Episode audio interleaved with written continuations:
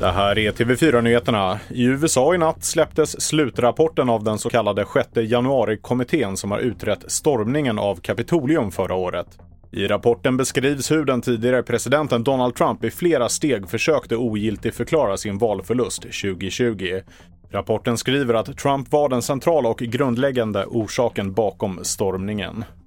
Nordkorea har levererat raketer och robotar till den ryska privata militärgruppen Wagner som strider med ryska styrkor i Ukraina. USA ska nu föra frågan till FNs säkerhetsråd och förbereder ytterligare sanktioner mot Wagnergruppens finansiär Yevgeni Prigozjin. Julhelgen är fylld av faror för hundar och katter. För hundar är choklad en riskfaktor då det innehåller ämnen som kan vara giftiga för dem. Även julskinkan med mycket salt och fett är inte att rekommendera.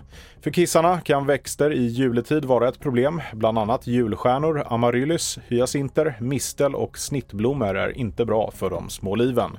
Mitt namn är Felix Bovendal och mer nyheter hittar du på tv4.se och i appen.